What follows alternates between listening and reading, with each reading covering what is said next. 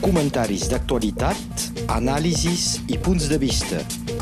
La crònica d'opinió amb l'advocat Pere Beca. Tenim amb nosaltres Pere Beca. Bon dia.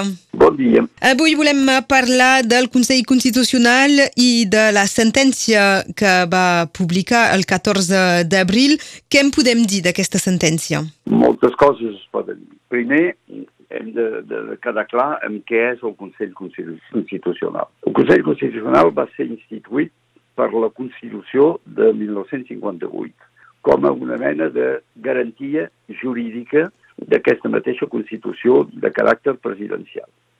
És a dir, que això és un tribunal, una jurisdicció, diu quin és l'estat del dret existent a l'estat francès i té la necessitat primer de llegir, de respectar i, si es pot, d'interpretar la Constitució.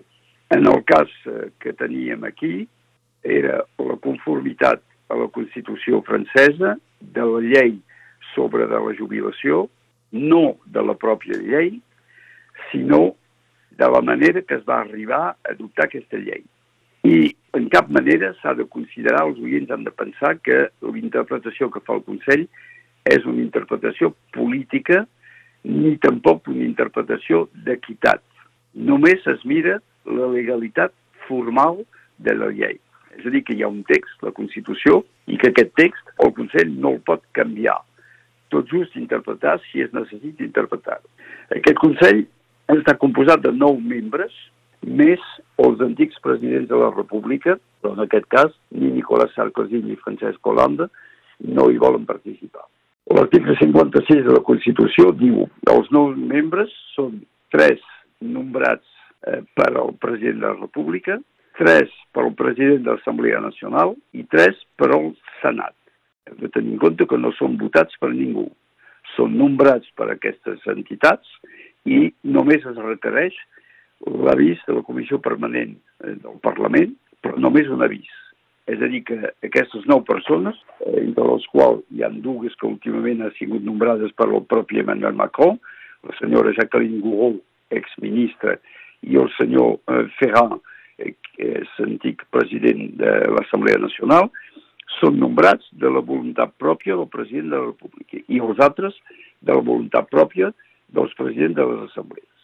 Són més que res tècnics. Són gent que han tingut una actuació política, però sortit del president Laurent Fabius i d'Alain eh, Juppé, antic primer ministre, cap d'ells són polítics de primera fila, sinó tècnics de la política. I doncs això dona un aspecte de jurisdicció amb gent que no són magistrats professionals, però gent que tenen més aviat una competència jurídica, tècnica, per donar el seu avís i no una decisió de caràcter polític. I és aquest mateix Consell que ha hagut de contestar a una sèrie de preguntes. Precisament, eh, quines són les preguntes a la que havien de respondre des del Consell Constitucional en relació amb la reforma de jubilacions? Doncs, tal com ho hem explicat, hi havia tres preguntes, bàsicament. Una que venia de la part del govern mateix, de la senyora Borna, primer ministre, una per als diputats de la NUPES, de l'esquerra, i una pels diputats del Rassemblement Nacional. Més una pregunta que també sortia del Senat. És a dir, que el propi govern mateix ha pres la seguretat d'apoyar-se sobre l'avís d'aquest Consell Constitucional. I les preguntes no eren de saber si aquesta llei se podia criticar en aspectes polítics, en aspectes sindicals, sinó només si s'havia respectat el procediment per arribar a aquesta llei. Tothom sap que es va fer ús de dos articles de la Constitució, el 47.2 que limita el temps eh, de discussió al Parlament i el 49.3 que són textos que estan previstos per permetre eh, que el govern pugui portar endavant el pressupost de l'any següent. I aquests textos són textos excepcionals i que no poden ser activats de manera general només una vegada durant el mandat parlamentari, però si és un text de caràcter financer entrant doncs, eh, per part, eh, com és el cas aquí, el Còdic de la Seguretat Social, aquí es pot fer ús del 49.3 diverses vegades i tothom sap que el govern de la senyora Borne ho ha fet servir cinc o sis vegades ja. És a dir que els parlamentaris d'Esquerra i també del, del Rassemblement Nacional deien heu fet servir una eina processal que no podia servir en aquest cas perquè és una qüestió de dret fundamental, l'edat de jubilació, i no una qüestió lligada al Còdic de la Seguretat Social. I el Consell ha contestat dient que, tal com la pregunta era presentada, és a dir, discutint només l'eina jurídica que permetia arribar a l'utilització del 49.3, no era pròpiament inconstitucional, perquè sí que s'havia de constatar que la decisió presa al vot de l'Assemblea tenia conseqüències sobre de l'organització del pressupost, notablement de la Seguretat Social, per organitzar la manera eh, doncs es provisionaven els diners necessaris per pagar les jubilacions a través de la repartició. És a dir que, finalment, l'únic que el Consell ha deixat a part són les mesures complementàries, que eren les mateixes mesures que havien set posades com condició per al partit de, de centre-dreta dels republicans per acceptar aquest vot.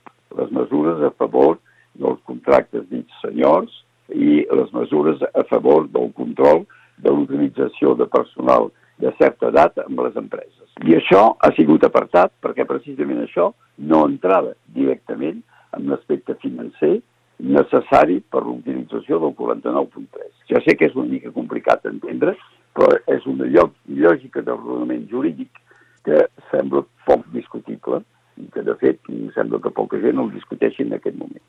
Doncs, la resposta tal com s'ha feta és una resposta potser insatisfactòria, però jurídicament perfectament. Pere Beca, eh, després d'aquesta sentència, quines poden ser les conseqüències polítiques? Doncs és aquí que, se, que es trobarà el, el nou debat realment, perquè eh, aquesta mandatura parlamentària encara ha de durar normalment tres anys, com el mandat del president de la República, i per aquests tres anys es necessiten votar decisions per la qual la majoria actual no té majoria absoluta i per tant necessitarà aliats. Llavors, com, com tenen? La pròpia majoria, o el grup parlamentari del senyor, del president de la República. Evidentment no tothom estava d'acord i especialment els aliats immediats eh, no ho eren. El centre, la part centrista, representada en un cert moment pel grup de François Bayrou, el model, ja s'ha dividit en molts que van posar la moció de censura, és a dir, demanar que es canviés de govern, i els que no ho han fet i que queden fidels en aquest govern. Però, doncs, un primer trencament a la majoria. O els aliats d'aquesta majoria, ja estic pensant especialment al Partit dels Republicans. Ells, ja ho he dit, havien posat com condició d'acceptar la llei que s'hi afegeix una, sèrie, una sèrie de coses. I el Consell Constitucional les descarta. Què faran aquests mateixos? Que la condició per votar, que van complir ells, o van votar, doncs no està finalment acceptada i no figura la llei.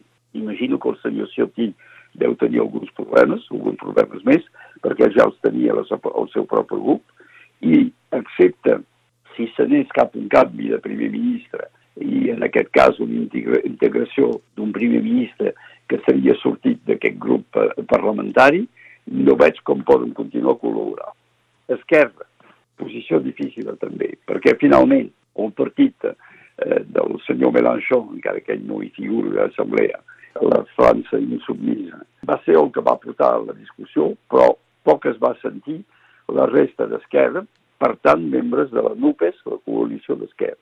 I, a més, aquest partit pateix de la desconfiança del seu electorat, com es veu a través de l'acció dels sindicats, que mm, tot el primer mandat del senyor Macron van quedar una mica fora de joc i que ara han pres més eh, protagonisme i que aquest pes eh, polític que han tingut al carrer ho faran suportar, m'imagino, si en pròximes eleccions. I al final queda el Rassemblement Nacional. És un exemple increïble de no política. El Rassemblement Nacional va callar va inscriure un recurs, però després de tots els altres. I queda callant sense fer realment propostes, sinó dient que això no pot ser. I es veu als sondejos que se n'aprofita l'Assemblea Nacional quasi cada dia amb una pujada d'intencions de vots. I això em sembla que és el gran perill al final del mandat del senyor Macron.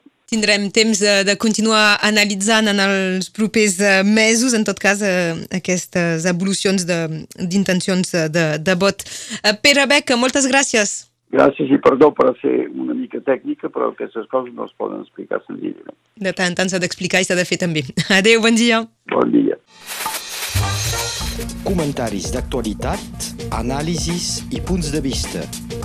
La crònica d'opinió amb l'advocat Pere Beca.